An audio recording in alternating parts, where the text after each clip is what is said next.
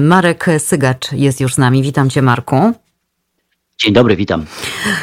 No właśnie, czy dobry i dla kogo dobry? E, będziemy rozmawiać oczywiście o dzisiejszym przesuniętym z wczoraj przemówieniu do narodu Władimira Putina. No może zacznijmy od tego, dlaczego ono nie zostało wyemitowane wczoraj, bo podobno już wczoraj było nagrane. Ty sugerowałeś, że e, być może powodem jest to, co dzieje się na giełdzie rosyjskiej i w ogóle w rosyjskiej gospodarce. Tak, no bo to było rzeczywiście bardzo ciekawe, bo zwykle nie zdarza się, że e, zapowiadane orędzie, zwłaszcza Władimira Putina, nie jest emitowane o wyznaczonym i zapowiedzianym wcześniej czasie. Także wczoraj była bardzo ciekawa sytuacja, bo cały wieczór wszyscy, którzy interesują się tym, co dzieje się nie tylko w Ukrainie, ale także w Rosji e, i ta e, ekspercka część Twittera siedziała i zastanawiała się, co, co takiego się dzieje. Najpierw pojawiały się w ciągu dnia informacje, że oprócz mm, Władimira Putina wystąpi, zabierze także głos minister obrony narodowej Siergiej Szojgu, mm, więc to dodatkowo jeszcze podbijało ten bębenek niecierpliwości oczekiwania. No ale ostatecznie e, orędzia nie było. No, wszyscy się zastanawiali dlaczego. Mm, sytuacja była dość, dość ciekawa i dość dziwna. Zresztą tutaj wszystkie zbiega się kilka bardzo ciekawych wątków dotyczących mm, Ukrainy i wojny w Ukrainie i Rosji. No bo po pierwsze e, wczoraj pojawiły się już oficjalne informacje o tym, że zostaną przeprowadzone tak zwane referenda w tych okupowanych częściach mm, Ukrainy, okupowanych przez Rosję. Mówię tutaj o tak zwanych republikach Ługańskiej i Donieckiej. Denis Puszylin, głowa Donieckiej Republiki ogłosił, że takie referendum zostanie e, rozpisane 23 i potrwa do 27. Poza tym te referenda też mają być przeprowadzone e, w obwodzie hersońskim, w części obwodu zaporowskiego, czyli w tych mm, zajmowanych przez Rosję, kontrolowanych przez Rosję terytoriach. No te referenda mają odpowiedzieć na jedno proste pytanie, no, czy chcemy, takie jest pytanie, e, do respondentów przyłączenia naszych terytoriów i zjednoczenia z Federacją Rosyjską. E, co dałoby mniej więcej taką sytuację, że e, Rosja przesunęłaby swoje granice w głąb Ukrainy. Oczywiście zupełnie nielegalnie, kompletnie w oderwaniu od jakichkolwiek e, zapisów prawa międzynarodowego, zdrowego rozsądku, ale to jakby nie o to chodzi, bo te referenda już od samego Krymu pokazały, że tak naprawdę nie, ma nic, nie mają nic wspólnego z demokracją i z plebiscytami, które powinny brać pod uwagę Vox Populi, bo to nie o to chodzi. Chodzi o jakiś sfabrykowany dokument, który można by było machać przed oczami mniej zorientowanych mm, i proputinowskiej części społeczeństwa rosyjskiego. No to się wszystko zbiegło z tym zapowiadanym wystąpieniem Putina. E, zareagowały na to rynki finansowe, no bo nie da się ukryć, że nie da się prowadzić polityki, szczególnie polityki kraju mm, e, prowadzącego wojnę w oderwaniu od gospodarki, a już wczoraj moskiewski e, indeks e, no, zanotował dość spektakularne spadki, e, największe spadki od momentu inwazji na Ukrainę, czyli od 24 lutego. I no, można się było spodziewać, że być może Putin przełoży to, to swoje oświadczenie, to swoje expose w obawie przed tym, przed dalszymi spadkami notowań giełdowych, no ale jednak dzisiaj rano zdecydowano się wyemitować jego wystąpienie o zupełnie abstrakcyjnej porze, bo to była dziewiąta godzina e, czasu e, bodaj moskiewskiego, co, co jest e, no, no, o takich, w takich godzinach się nie transmituje wystąpień i odezw do narodu, bo no bo naród w tym momencie jest albo w pracy, a w każdym razie nie słucha tego tak jak powinien i tak jak się tego od niego oczekuje.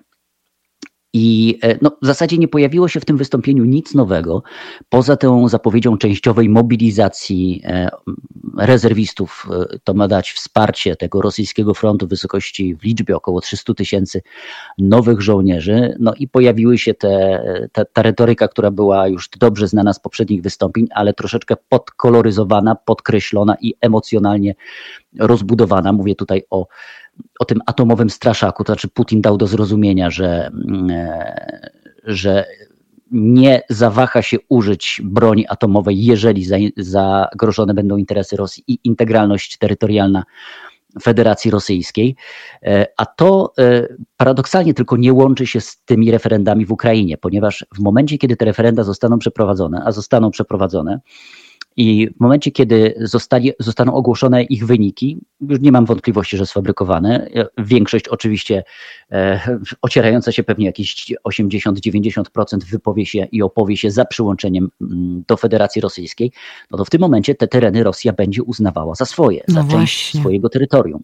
I to jest to niebezpieczeństwo, to jest to zagrożenie, ponieważ e, doktryna wojenna rosyjska mówi o tym, że taktyczna broń jądrowa może być zastosowana w momencie, kiedy terytoria rosyjskie e, są zagrożone. E, no, skoro e, nie można tego zagrożenia pokazać fizycznie w granicach Rosji obowiązujących, no to trzeba te granice przesunąć w stronę, gdzie to zagrożenie realnie funkcjonuje, czyli na stronę Ukrainy. No, to da pewien niebezpieczny instrument w ręku Putina.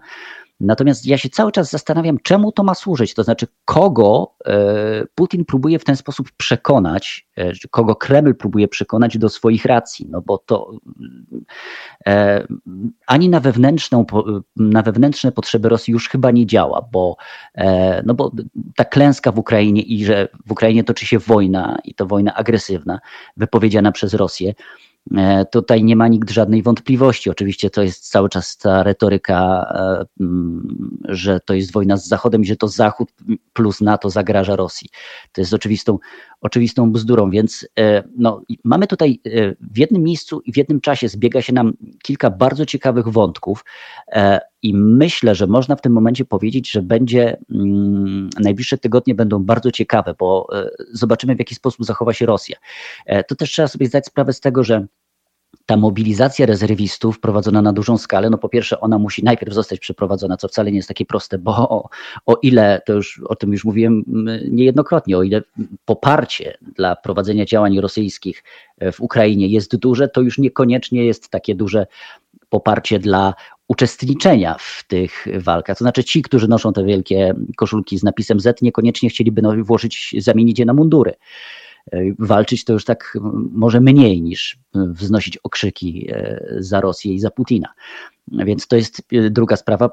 No, a trzecia to jest to, że jednak trzeba w jakiś sposób tych żołnierzy przygotować do walki. To będzie według specjalistów, według obserwatorów produkcja na ogromną skalę mięsa armatniego, niestety o słabym morale.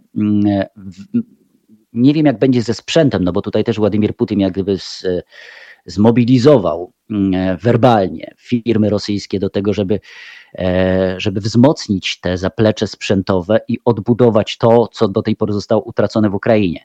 Tylko specjaliści też mówią o tym, że jest to zdecydowanie za późno, żeby odmienić los tej wojny, którą Rosja po prostu przegrywa na tym etapie. Natomiast e, jest to wystarczająco dużo, żeby ten konflikt mocno przedłużyć i rozciągnąć w czasie a to może niestety zagrać na niekorzyść Ukrainy, jeżeli ten konflikt przeciągnie się, a przeciągnie się na pewno co najmniej do wiosny. E, dlatego tutaj też jest ważna w tym momencie determinacja Zachodu i e, no ja bym oczekiwał w każdym razie na jakieś takie zdecydowane ruchy i ze strony Stanów Zjednoczonych, NATO i tych państw, które już w tej chwili wspierają militarnie Rosję, e, przepraszam, oczywiście wspierają militarnie Ukrainę, jakiejś deklaracji, że to wsparcie będzie utrzymywane co najmniej na tym samym poziomie, o ile nie rozbudowane. Teraz Ukraina potrzebuje tego bardziej niż jeszcze kilka tygodni temu. Wiesz, e, wydaje mi się, że to jest ten moment takiego naprawdę wielkiego sprawdzianu dla tak zwanego Zachodu, e, czyli od Stanów począwszy poprzez Europę i tak dalej, e, bez dwóch zdań. Ciekawa jestem też, wiesz, czy ta mobilizacja, tak jak powiedziałeś, no, na jaki ona będzie miała wpływ na przebieg tej wojny. Wątpli wątpliwe jest, będzie, będą zdolności i przeszkolenie tych ewentualnych żołnierzy. Zresztą to, o czym mówiłeś, że oni się nie palą, niech o tym chociażby świadczy to, co, o czym donosi dzisiaj Reuters, że na potęgę e, dzisiaj mężczyźni, którzy e, są ewentualnie w tym wieku e, poborowym, kupują bilety w jedną stronę, uciekając, chcąc uciekać z Rosji. Oczywiście, że wszystkim to się nie uda, zwłaszcza, że te bilety osiągają jakieś ceny 4 i ponad 4 tysięcy nawet dolarów. No to, to, to, to wiadomo. Ale, no, ale to świadczy o tym, że, że mm, ktoś powiedział, że to, co powiedział, to ta mobilizacja, którą zapowiedział dzisiaj Putin, bardziej przestraszyła Rosjan niż Ukraińców. I chyba coś w tym jest, prawda? Bo To prawda. Ukraińcy i Kijów zapowiedzieli, że tak naprawdę niewiele to zmieni w sposobie, w tempie prowadzenia e, wojny w Ukrainie. No, być może rzeczywiście będzie to jeszcze jakaś dodatkowa ostroga, żeby wykorzystać ten czas, zanim te rezerwowe siły trafią na ukraiński front, no bo nawet jeżeli będą to żołnierze źle wyszkoleni, no to będzie tutaj pewien potencjał taki, według którego e, działa tak naprawdę rosyjska armia. To znaczy ci, którzy wypadają, zostają zastępowani nowymi. W momencie, kiedy oni padną, e, na ich miejsce przyjdą następni. No to jest dość prymitywne tempę, e, i, no ale na dłuższą metę może być efektywne. Nie mówię, że skuteczne, ale efektywne, bo, bo, bo ty, w tym momencie nie ma się o co oszukiwać. Rosja utknęła w Ukrainie. E, I tej mobilizacji wszyscy się spodziewali tak naprawdę, no bo mm, e, Putin już w tym momencie nie ma żadnych innych instrumentów, które pozwalałyby mu e, próbować odzyskiwać inicjatywę. Cały czas oczywiście są te elektrownie atomowe, którymi on próbuje, próbuje grać. Cały czas jest taktyczna broń jądrowa i moim zdaniem w tej chwili zagrożenie tym, że taka broń zostanie użyta, jest chyba większe niż e, do tej pory zakładano w tej wojnie. Mhm.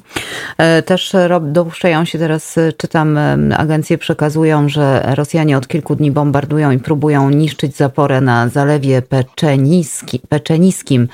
To jest obwód charkowski, to olbrzymi zbiornik, który jest głównym źródłem wody dla całego Charkowa i od razu specjaliści oceniają, że to atak, który ma osłaba, osłabić zimą morale Ukraińców. No takie działania to rzeczywiście są bardzo uciążliwe, prawda, dla tych, którzy tam mieszka. Tak, i to jest Hmm. I to jest realizacja tak naprawdę w tej chwili tego, do czego wzywają e, dowódcy i ta proputinowska a, opinia publiczna w Moskwie, to znaczy do niszczenia w Ukrainie infrastruktury energetycznej, infrastruktury związanej właśnie z zapewnieniem e, ogrzewania, z zapewnieniem elektryczności, e, wody pitnej. Także można się spodziewać, że tego typu obiekty będą celami.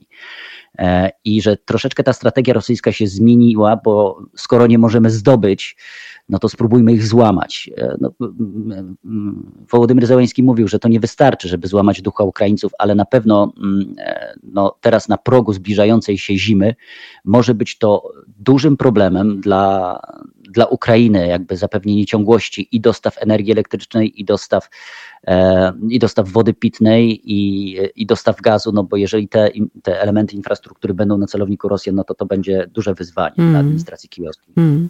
Słuchaj, na zakończenie jeszcze raz tylko wrócę do tej zapowiedzi ataku nuklearnego w świetle mm, przejęcia, bo no oczywiście nie mamy wątpliwości, że jeśli te referenda się odbędą, to będą sfałszowane i wyjdzie na to, że te ziemie są e, rosyjskimi.